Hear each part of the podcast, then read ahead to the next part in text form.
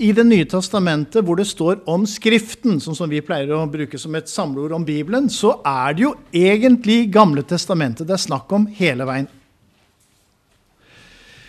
Børre Knutsen var nøye med å understreke det, og jeg tror han har det fra Luther. Det må jo dere som er flinkere på det her enn meg, si.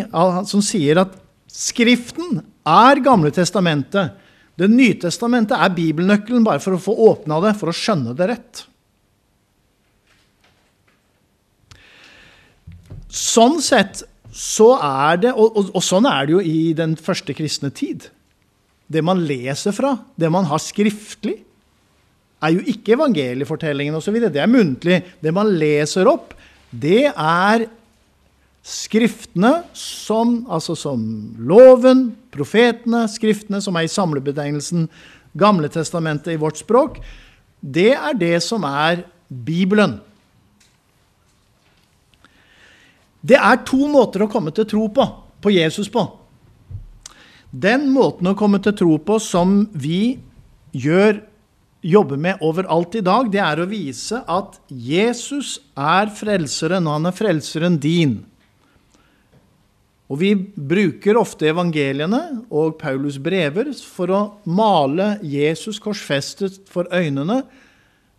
Og ved Den hellige ånd så blir dette tatt imot. Og ut fra det, fordi Jesus forholder seg til Gamle testamentet som hellig skrift, så begynner vi å åpne det. Det er sånn vår vei inn til å forholde oss til Skriften er. Eller Gamletestamentet. Men det var ikke sånn i begynnelsen. Det har vi allerede hørt lest fra apostlenes gjerninger. Den opprinnelige måten å drive evangelisering på er motsatt. Den opprinnelige måten å drive evangelisering på er å ta utgangspunkt i den bok alle i synagogen er enige om er hellig bok, sann fra begynnelse til slutt, og vise at Jesus er oppfyllelse av dem. Og det er altså nok i Det gamle testamentet for å gjøre å male han ferdig, om du vil. Og bare noen, En liten sånn forklaring da, eh, for de som tenker hvorfor går det da så tregt med jødemisjon. Grunnen er den metoden virker ikke lenger. Eh, den jødiske forsker Jakob Nusner har sagt etter denne enorme Jesusvekkelsen som var For det må vi huske på, selv om vi, det flertallet av det jødiske folk, ikke tok imot Jesus, så var vekkelsen enorm. Hvis du da vet at det bare er rundt 5000 eller der omkring medlemmer i fariserpartiet på Jesu tid. Og det på pinsedag blir døpt 3000 til å høre Jesus er Messias-gruppen. Og det seinere blir 5000, og det seinere kan bli 10 000 i Jerusalem. Så skjønner du at det er en farlig stor gruppe. I utgangspunktet er fariseerne og de Jesus-troende allierte mot de virkelig slemme, som er sadukerende. Men når romerne går valser over det hele og ødelegger tempelet, da er det bare to grupper igjen som står igjen på arenaen i det jødiske folk. Det er de Jesus-troende jødene, og det er fariseerne. Og nå blir de rivaler. Og det Jakob Nusner sier, er at etter år 70, og ikke minst, ikke minst etter at Rikskirken har kommet, altså det romerske imperiet har blitt kristnet, og tar over det lovede land, så blir det store prosjektet på jødisk mark å gjøre de kristne svar irrelevante til de jødiske spørsmål. Det er altså en omstrukturering av alle jødiske problemstillinger, slik at Paulus kunne ikke gjort samme jobben i synagogene i år 600 som han kunne gjøre i år 50. Et lite eksempel på det. Talmud, som, skrives ned rundt 500, har ikke én eneste setning som drøfter problemet at det er de Jesus-troende som har overtatt det lovede land, som skulle tilhøre Abraham, så han sett, mens de sitter og skriver i Babylon. Det bruker Jacob Nusner som et tegn på at man altså har restrukturert hele. Derfor, når Det er ikke slik at de kristne og jødene har én bok felles, nemlig Det gamle testamentet. Vi har den ikke felles. Hvis du bruker de to sett med briller som de og vi tar på oss, så ender vi opp med to forskjellige bøker. Veldig forskjellig. Fordi på jødisk side så har de altså da tatt og oppgradert det som er fedrenes undervisning, til å, kun, å høre hjemme med røtter tilbake til Moses. Det de sier da på jødisk side, er at Moses fikk dels noe han skrev ned, men noe han ikke skrev ned. Det ble overlatt fra mann til mann til mann til rabbiene, og så blir det nedfelt seinere etter Jesu tid. Det betyr at tekstene sier ikke det du og jeg ser. De sier noe annet. Du kan altså godt komme langt i en samtale med en jødisk, et jødisk menneske som ikke har noe skolering, for da er det nok lettere å bli enige om hva som kanskje står der. Men møter du en rabbi, kommer du ikke av flekken. Alt du og jeg tenker på, har, er det gode svar på ut fra den restruktureringen. Så det betyr at det fins en annen måte å lese GT på. Og den andre måten på jødisk side var ikke sånn på Jesu tid. På Jesu tid var den måten den felles måte å lese GT på, slik at jøder i synagogen ble overbevist. I dag skjer det ikke.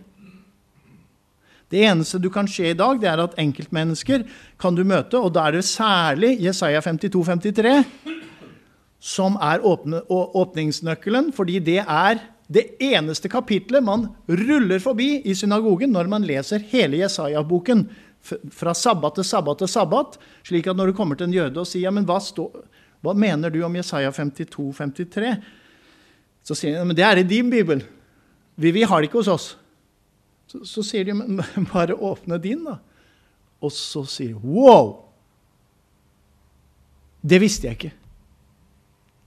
Men det er klart, presenterer du det til en rabbi, så er det ikke imponerende. Rabin vil da si at dette er et ord om israelsfolket, et kollektiv.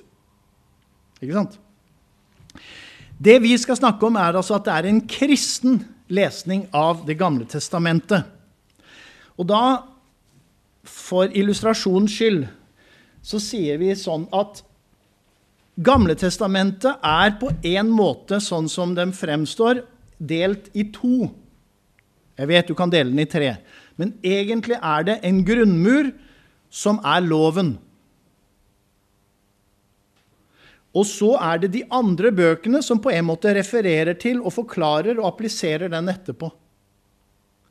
De fem Mosebøkene representerer hjørnesteinen i Skriften. Det interessante for oss er at det er der stort sett alle problemer med det vi opplever som moralsk trøblete, det vi har litt i Josva også, eller som krasjer med vår vitenskapsforståelse, alt er der. Det er veldig lite i de andre bøkene. Vi liker profetene som tar oppgjør med, med uh, umoral i pengespørsmål og, og undertrykker fattige osv. Det er salgbart, men en del av det som er i Mosebøkene, ikke salgbart i dag. Men det er grunnmuren i Skriften. Så er det at vi får Nytestamentet da, etterpå, som jeg illustrerer på denne måten, som en måte å hjelpe oss til å åpne hva denne boken er, og vise oss det som Paulus gjorde i forhold til eh, synagogefolkene. Dette viser til Kristus. Det eneste er at vår måte å lese denne bibelnøkkelen på, er at vi bare leser nøkkelen, og ikke hva den skal åpne. Så vi blir ikke alltid så mye klokere i Gamletestamentet vi slår ikke opp referansene og henvisningene så mye som vi kunne hatt glede av hvis vi virkelig ville gjøre mer av det. Så hvis vi sier at det å lese Gammeltestamentet er noe som er ment for en kristen Altså, Hvis vi sier at første punkt, kristen lesning av Gammeltestamentet, er lesning av Gammeltestamentet at den ikke ligger brakk. Ehm, det som vi merker oss også, det er at dette er en eh, Bokens hellighet eh, understrekes jo på forskjellige måter. av Skriften, Gammeltestamentet. Du kan sikkert huske hvor Jesus eh, er i diskusjon med sadukerene eh, om dette med oppstandelse fra de døde, og Jesus sier dere farer vill fordi dere ikke kjenner Skriftene. Det er jo egentlig fordi de ikke liker dette tillegget her som kommer etter de fem Mosebøkene. De tror ikke på de dødes oppstandelse. Men bare merk deg, når Jesus skal tale mot dem, så henviser han fra de fem Mosebøkene og sier at Gud sier 'Jeg er Abrahams, Isaks og Jakobs Gud', og bruker ordene som Gud bruker til Moses. Så det er veldig, Hvis du begynner å se sitatene i Nytestamentet, så er det påfallende ofte de fem Mosebøkene det dreier seg om.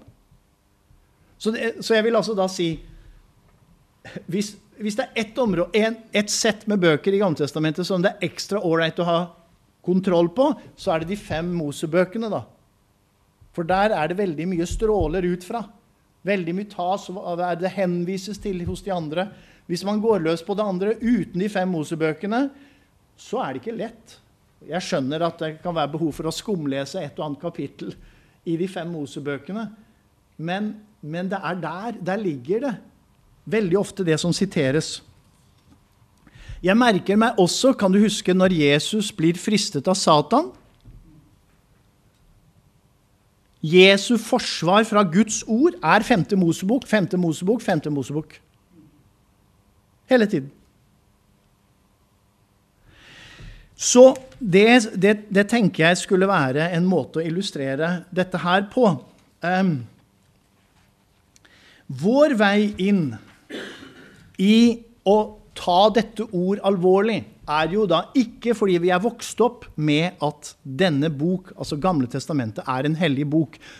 For oss vil ofte boken erfares med sin hellighet etter vi møtte Jesus. Det duger ikke å gå på Karl Johan og si det. Nå skal jeg vise at Jesus er Messias. Skal du se Jesus er oppfyllelsen av Gammeltestamentets løfter. Da vil de si jeg har mange hellige bøker. Du, kan du ikke abonnere på Bokklubben Bøker? Hellige bøker. Da kan du få Koran og litt forskjellig. Og dette med, Det er så relativt at det duger ikke. Så inngangsporten er Det nye testamentet for de fleste av oss. For å virkelig skjønne at Gamletestamentet er den hellige boken som er sann. Inngangsporten er Læremestrene for oss blir da Jesus og apostlene. Jesus og apostlene viser oss hvordan vi må forholde oss til Gammeltestamentet. Uh, og Jesus er altså Det er jo egentlig noe som man, man tenker eh, er naturlig. Jesus har rett. Guds sønn fra evighet av. Det er sånn som han sier det, må jo være rett. Eh, men Jesus, og det, det er selvfølge hos dere, men ikke alltid andre steder Jesus garanterer i eh, Johannesevangeliet kapittel 14 og kapittel 16 at disiplene både skal huske alt han har sagt, han, han, garanterer hukommelsen deres, så de skal kunne gjengi det rett i evangeliene, og han skal lære dere det jeg ikke rakk nå. Det som han, dere, dere ikke fikk nå. Altså Sluttåpenbaring som ikke kom, Jesus fikk gitt dem, skal de få etterpå, de som er apostler. Det er eh, 16, 12, er det ikke det? Johannes 1612. Og Derfor er det meningsløst med de som sier 'jeg holder meg til Jesus, men ikke til Paulus'. Det er jo det samme som å si at Jesus har ikke dekning for det han sier, når han prøver å si noe. Dypest sett er det en anklage mot Jesus, og det er jo dårlig. Eh, det å sette Jesus opp mot disiplene er å sette seg selv opp mot Jesu autoritet. Dypest sett. Ehm, hvor er det vi som kristne lesere i dag syns det er vanskelig med disse bøkene i Gamle Testamentet? Så langt jeg kan se, er det to områder. Det ene det er en del av det her krigsstoffet i Gamletestamentet som er ekkelt. Én ting at det refereres at de fører krig. Det har ikke vært pent å referere fra andre verdenskrig heller. Men når du da får Gud inni det her som sier at, hva de skal gjøre, så er det ubehagelig for en god del av oss. Hvordan løser vi det? jeg tror en del kristne løser dette på en måte som er farlig. På 100-tallet hadde vi en uh, mann som het Markion. Han sa det er en forskjell mellom den Gud som er i GT, og den Gud Jesus som er i Nytestamentet. Og så reviderte han hele greia, så han klippet ut vekk GT og friserte Nytestamentet. Den som sier at ting i Det gamle testamentet som Gud sier kunne ikke Jesus stå bak. Jeg er redd for vedkommende er i ferd med å bli en fjern slektning av Markion. Fordi Jesus er Guds sønn fra evighet av, og der det står Herren i Gammeltestamentet, så er Faderen, Sønnen og Den hellige ånd enige. Vi har aldri hatt noen konflikt mellom Faderen, Sønnen og Den hellige ånd.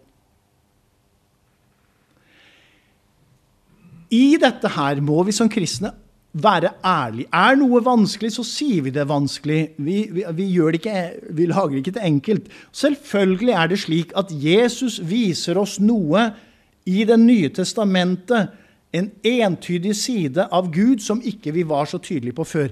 Han lærer jo oss å si 'far' til Gud. Ikke ett sted i Gamle testamentet ber du til den hellige allmektige og sier 'far'. Betyr det at dette er en annen gud som sier noe her, i forhold til før? I forhold til en krigergud i Gamle Testamentet?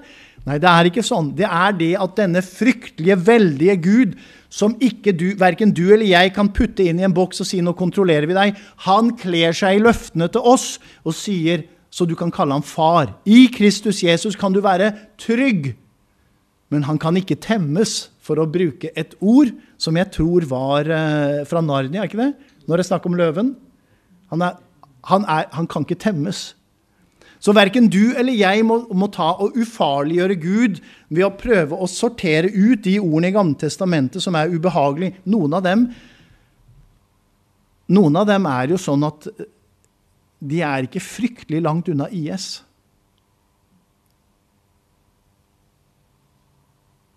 i, sin, i, i det det fremstår til på overflaten. Ikke sant? Så jeg mener at og jeg, hvis, hvis, noen syns det her går greit opp, så syns jeg det er strålende. Men jeg er ikke kommet dit. Jeg syns det er vanskelig. Men det å derfra gå til å klippe i Gamle Testamentet og si det hører ikke med, eller det er noe annet, eller noe sånt noe, er ikke i tråd med hva vi har lært av Nytestamentet om å bruke GT. Så jeg og, og, og, hvis vi ikke er ærlige på de tingene her Jeg skal love deg, Internett er full av sånne websider som informerer våre ungdommer og setter dem sjakkmatt med sånne, med sånne skriftsteder. Så vi kan like gjerne ta alle tabuene ved hornet og gå rett løs på dem uten, uten å, å, å, gjøre det lettvint. For det er mange av disse tingene som, som vi finner i Bibelen, som for vår tid ikke er lettvinte. Det vi skal huske på, det er det. Bibelen er Guds ord. Guds ord i Bibelen har aldri vært i harmoni med virkelighetsoppfatningen rundt. Det er en misforståelse å tro at i dag er vi i utakt med den virkelighetsforståelsen. Men den gang, da var de helt på linje. Guds ord har alltid vært i kraftig konflikt med den virkelighetsforståelsen folk har hatt til alle tider. Guds ord er det ord som avlærer oss den hjernevasking som våre omgivelser gir oss, for å gi oss Guds perspektiv på det her. Det er like fremmedartet sjokkerende på Mosetid, på Abrahams tid, på Jesu tid, som det er på vår tid. Vi lurer oss fullstendig hvis vi tror at liksom det er nå vi har fått problemene. Guds ord har alltid kommet der utenfra som Guds ord som, som korrigerer og endrer og, og, og rydder tankene våre. Og det betyr en, en skole vi må gå, hvor vi går lydighetens vei. For, for min del, og det går på Nytestamentet, startet jeg forsøket på en sånn vei da jeg i teologistudiet begynte og var overbevist om at det var bare tøv å, å si nei til kvinnelige prester. Før jeg møtte den oversettelsen som, var, som vi brukte den gang. Om noen mener seg å være profet eller åndsfylt, skal han vite at det jeg skriver, er et Herrens bud. Den som ikke godtar dette, blir selv ikke godtatt. Og da tenkte jeg OK, det her skjønner jeg ikke bæret av. Men jeg tør ikke annet enn å si nå bare går jeg på det her, og så får jeg leve med spenningen i følelseslivet mitt. Sånn er det på en del av de gammeltestamentlige tingene også. Bare gå på det, og så kan ting åpne seg og komme på plass etter hvert. Men la oss være ærlige. Det er barnekårets rett å være ærlige, tenker jeg. Det å gjøre lettvinte løsninger er dumt. Det andre er i forhold til det vitenskapelige. Hvordan skal vi forholde oss til alle disse her ting som krasjer fullstendig med ting rundt oss eh, altså på skolene? Første Korinterne 15 er tydelig fra Paulus på at Adam er det første mennesket som Kristus er det andre. Med Adam som et historisk menneske kommer synden inn i tilværelsen, og så kommer syndenes forlatelse med Kristus. Det betyr at Bibelen er veldig tydelig på at mennesket begynner på et punkt. Uansett hvilke vitenskapelige teorier vi måtte operere med, er det ikke plass for en gradvis overgang fra et dyr til et menneske. Hvem av disse halvapene er Jesus død for, er spørsmålet. Når kommer synden inn? Er det en syndfrihetstilstand for noen halvaper? Eller? Bibelen er tydelig. Det kommer i et punkt. Og derfra bærer vi syndens arvestoff, om du vil, alle sammen fra begynnelsen av.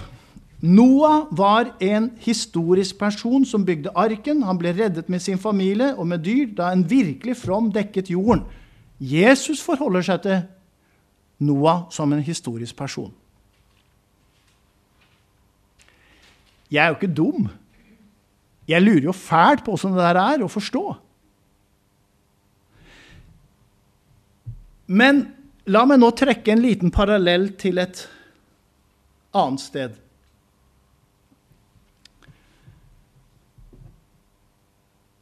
For det første er jeg bombesikker på at Jesus er smartere enn meg. Hvis han forholder seg til dette som historisk, så må jeg gjøre det. Det andre er at ved å tro Jesu død og oppstandelse så har vi allerede blitt introdusert til Guds den handlingsfrihet Gud selv gir, gir seg selv i det skaperverket han har skapt. Ny vitenskapsteorier gir nye forståelser av hvordan dette er å forstå. At et menneske ikke kan komme til live igjen etter at det skulle ha begynt å gå i oppløsning, de indre organer osv., det har vært alltid. Det har man alltid prosessert på. Men du er klar over det at um, når Jesus um, står opp fra de døde og farer til himmelen, så bekjenner vi at 70 kilo masse forsvinner fra skaperverket. Det er ifølge Einstein umulig. Energi i universet er konstant. Punktum. Og vår bekjennelse er det er konstant, bortsett fra når Gud velger å gjøre noe. Vår bekjennelse er at 70 kilo masse forsvinner ut. Einstein sier at 70 kilo masse må over i annen energi. Og jeg fikk et ektepar ved NTNU i Trondheim til å fortelle meg hvor mye energi frigjøres hvis 70 kg masse går over til ren energi. Det er tre ganger så mye energi som utløses som samtlige atomprøvesprengninger siden Hiroshima Nagasaki og frem til i dag. Sa de. Eller 22% av sprengkraften i alle atomvåpen som er lagret på jord i dag, ville det, denne energi utløse. Hvis du skal følge Einstein, som er den absolutte grense for hva vitenskapen kan operere med. Det vil altså utslettet Jerusalem og Judea og hele greia. Så det vi, det vi, når vi bekjenner 'jeg tror på, på at Jesus sto opp fra de døde og for til himmelen', så bekjenner jeg at 70 kilo masse sånn der omkring forsvinner ut av den sansefare virkelighet og er ikke, er ikke å, å, å, registrere mer. Da sier jeg hvis først Gud tar ut 70 kilo masse, har han vist hvilke prinsipper han kan tenke seg å bruke når han vil. Han kan godt kjøre 70 kilo brødmasse inn i et brødunder. Det er ikke noe forskjell. Og hvis han først har tatt 70 kilo ut av skaperverket, kan han putte milliarder av kubikktonn med vann inn og ta dem ut igjen. Det er jo ikke slik vi mener at Gud kan gjøre små under i småskala, men ikke store. Så, så det jeg sier, er Du trenger ikke gå utenfor det som er underet som du og jeg hviler hele vår tro på. Så du skjønner Gud har, å, Gud har demonstrert i Jesu oppstandelse og himmelfart det handlingsrom han gir seg selv i det skaperverket han har etablert. Um,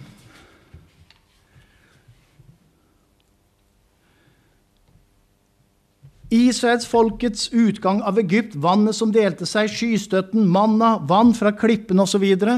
Alt refereres i Nyttestamentet. Jonah var tre dager i fiskens mage. Jesus forholder seg til det som historisk fortelling.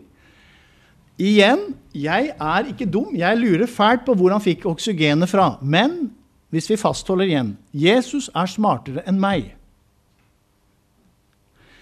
så er det, det, det vi som kristne forholder oss til. Vi forholder oss til disse fortellingene og bare går på dem eh, og tar det som det er der. Eh, jeg synes, Har noen av dere sett den der filmen av Stephen Hawkins? Han eh, britiske vitenskapsmannen i rullestol? Ja. Jeg har prøvd å google for å høre om om det han sier i filmen, om han, har sagt det selv. Og det tror jeg kanskje må være fordi han gjør først en doktorgrad. For, altså, hva er vitenskapen? Vitenskapen en dag er noe annet enn en annen dag. Og han illustrerer dette her. Først lager han en doktorgrad som er altså så applaudert, som demonstrerer en side ved svarte hull. Og folk etterpå er helt henrykt over det han har gjort. Og så, og så spør de han hva holder du på med nå. Nei, sa han, nå holder jeg på å motbe motbevise min doktorgrad. Ok. For meg er det en av de mest elegante for han, Alle regner jo han som noe av det smarteste du kan oppdrive i dag. Er ikke det en grei illustrasjon på at det vitenskapen sier, er litt sånn frem til nå tror vi at? Og så får vi se åssen det blir i morgen. Vi vet ikke. Vi er, altså, og det jeg tenker er at La vitenskapen operere utenfra, ut fra sine egne premisser. Og, og, og, bare så lenge de er ærlige metodisk, så er det Guds verden gitt oss å, å forske på. Men Guds ord er det som ligger fast. Det er det som ligger fast. Og Det gamle testamentet er verdt å, å lese på. Um, Det er likevel én ting som jeg har eh, ikke har tatt opp. Eh, hva er Gamletest, Hva mener vi med Gamletestamentet? Du vet hva de første kristne hadde som Gamletestamentet. Det er det som jeg har på grønt her. Der står det Gamletestamentet. Det var på gresk. Septuaginta ofte skrevet med LXX, som er tallet for 70. Vi skal ta nå og lese. Hvor Er det noen av dere som har Bibelselskapets oversettelse? Eller bare jeg? Ok. Da skal vi ta en liten fordeling her, og de andre kan få lese den andre. Fordi vi har her noe interessant, tenker jeg. Eh, hvis eh, hvis du leser Matteus 1,23 og Bojo leser Jesaja 7,14 Dette her er sånn, Foreløpig er dette her helt sånn derre Ingen overraskelse, men etterpå kommer det noe. Ta Les først. Matteus 1,23. Og Bojo leser Jesaja 7,14 etterpå. Hva står det i Matteus 1,23? Se, jomfruen skal bli med barn og føde en sønn, og de skal gi ham navnet Immanuel. Det betyr Gud med oss. Og Bojo? Derfor skal Herren se videre tegn. Se, den unge jenta skal bli med barn og føde en sønn, og hun skal gi ham navnet Immanuel. Da spør jeg Her har vi altså en bibel hvor eh, det står sitat fra Gamle Testamentet, og i Gamle Testamentet står det annerledes. Er det noen som vet hvorfor det står forskjellig nå? Det sto ikke forskjellig før. Altså Forskere er jo drøfta hva den, eh, dette hebraiske ord skal bety. Og så har man tenkt at det mest tryggeste er å oversette med, med ung kvinne. Da spør jeg hvorfor står det da i Nytestamentet at det er jomfru? Og svaret er at det står det i den greske. Den er oversatt før Jesu tid. Så jeg tenker Hvem vet best hvordan dette skal oversettes? De som levde da, eller vi som lever nå? Jeg syns det er en dum utvikling. Dette var Gamletestamentets lesning helt til Luther. Da Luther skulle oversette til folkespråket tysk, så tok han ikke utgangspunkt her. Han tok utgangspunkt i noe helt annet. Eller ikke helt annet, men noe annet. Han tok utgangspunkt i den hebraiske teksten som var i synagogen.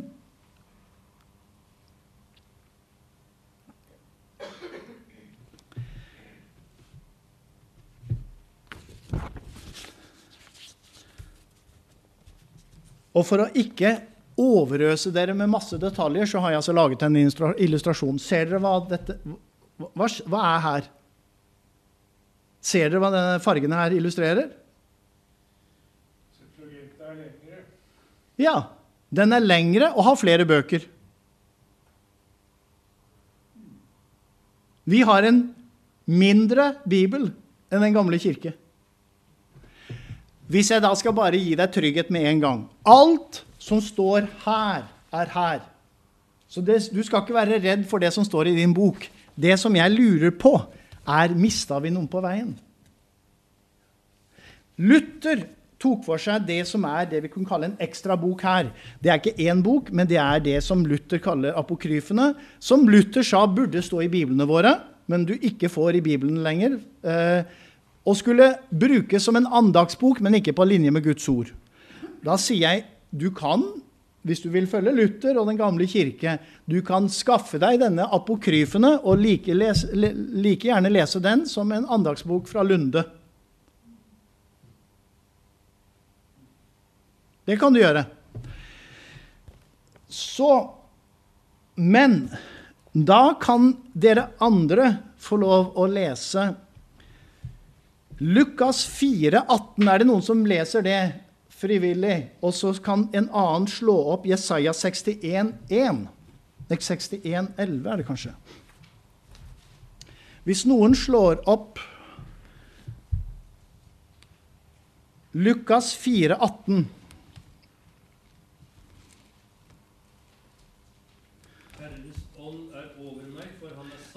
bare, bare, vent litt. Det vi trenger nå, er mens du leser, skal, skal noen andre sjekke hva som er det. Bare, bare, sikre at de andre har slått opp. Kan dere andre, mens han har, han har den, dere andre kan slå opp Jesaja 61? Og, og, og dere, altså det er norsk bibel det gjelder her nå. Eh, eller hva som helst. Kan, det gjelder alle sammen. Eh, slå opp, Nå skal jeg bare vise dere hvor det er. Jesaja 61. Eh, 61.1 og utover. Mens han leser det, så kan dere lese Jesaja 61,1. Ok, vær så god. Herrens ånd er over meg, for han har salvet meg til å forkynne et godt budskap for fattige. Han har sendt meg for å rope ut at fanger skal få frihet og blinde få synet igjen, for å sette undertrykte fri og rope ut et nådens år fra Herren. Er det noen som la merke til noe forskjell? Det var noe med blinde der. Står ikke. Og Jeg var en gang for en tid tilbake på en andakt som eh, en holdt, og så sa her tar Jesus faktisk og, og i inspirasjon og, og bringer inn noe. Da gikk jeg og sjekka Septuaginta, og der står det. Jesus la ikke til noe som helst. Du skjønner, vi sier at vi har Septuaginta.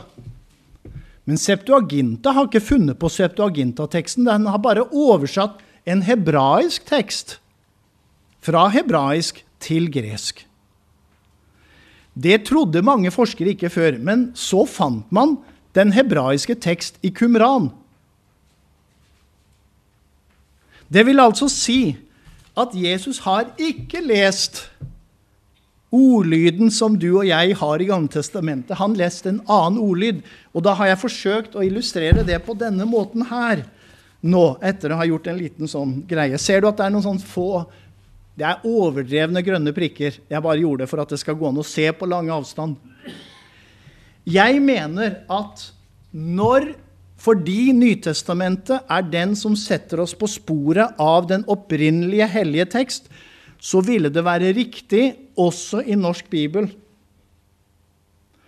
Og putte det inn i teksten og så legge en fotnote. Fordi det Jesus leser, leste han faktisk.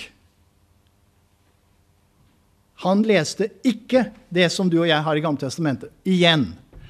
Det er altså noen få ting her og der i tillegg, så du går aldri vill i din Gamle testamente. Det mener jeg ikke.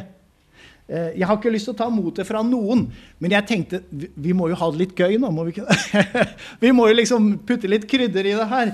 Så da tenkte jeg eh, For jeg tror faktisk vi med fordel kan begynne å eh, vi, vi, skal ikke lukke helt døren for å se litt hva sier Septuaginta. Fordi den, det er altså sånne ruller Jesus leste fra i synagogen i Kapernaum og sa nå oppfylles det.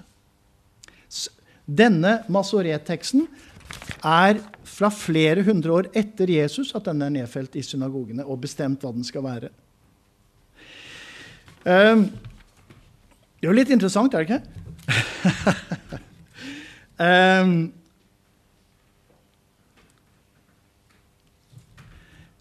Spørsmålet er I Gamle testamentet så koker det ofte ned til oss ok, jeg leser hva som står.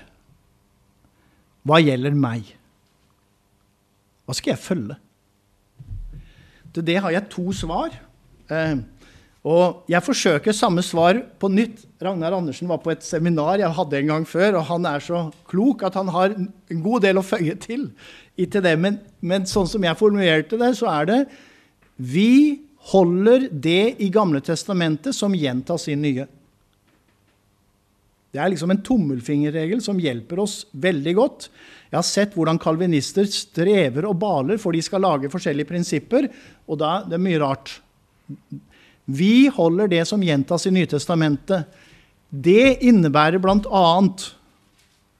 at det tredje bud, sabbatsbudet, ikke har samme betydning etter Jesus som før. Det var kjempebra. Hvorfor? Fordi når denne Jesusvekkelsen var blant jødene, så hadde de i Romerriket rett til å ha fri på sabbaten. De trengte ikke bryte sabbatsbudet. Men de som var ikke-jøder, de som fikk kallenavnet kristne Det var fordi vi kom med at man måtte finne på et nytt navn. Da vi kom med, så gjaldt ikke sabbatsrettighetsfrien for oss. Og da er spørsmål Jeg vet jeg skal heller dø enn å drive hor. Jeg skal heller dø enn å drepe et annet menneske. Men skal jeg heller dø enn å jobbe på sabbaten? Sånn ble det budet ikke gjentatt i Det nye testamentet. Men de andre budene, de gjelder absolutt. De skal man holde. Allikevel har dette svaret faktisk litt mer komplisert svar. Fordi de Jesus-troende er egentlig to grupper. De Jesus-troende hedningene og de Jesus-troende jødene. Paulus har aldri sagt at jøder skal slutte å omskjære sine barn. Apropos forslaget i Norge om å forby det. Der har mitt poeng vært lenge at det er ikke bare antisynagoge, det er antikirke. Jeg vet om fem jeg vet om en, en håndfull familier i Norge hvor, hvor de er Jesus-troende jøder. Og det er vår modermenighet i Jerusalem som ville bli ekskludert fra Norge. Jesus kunne ikke bli født her hvis det var sånne regler. Fordi det er befalt fra Bibelen. Så det betyr at der er det en kraftig saftig diskusjon i det Jesus-troende jødiske miljøet. Skal vi holde forskriftene, eller skal vi ikke? Alle omskjærer, bare så det er klart. Ikke én som blinker på det. Men alt det andre, med svinekjøtt og reker og alt dette andre, skal vi holde det, skal vi ikke holde det? Eh, og da spriker meningen i alle retninger. Da har min eneste rolle vært som utenforstående å si hvorfor gjør dere det? Hvis du gjør det for å bli frelst, så sier Paulus det er ikke rett. Men gjør du det av andre grunner, som å bevare tilhørigheten til det jødiske folk, da har vi egentlig ikke noe å si om det. Jeg har sånn cirka brukt den tida som eh, vi snakka om, har vi ikke det? Jo, jo, men jeg er ferdig, da. Det var det jeg prøvde å si. da. Jeg har ikke så mye mer. Ja, den er grei. Den er grei. Jeg er ferdig. Eh, og eh, dette skulle være innledning til en samtale. Jeg håper at det kunne vært litt sånn stimulerende til det.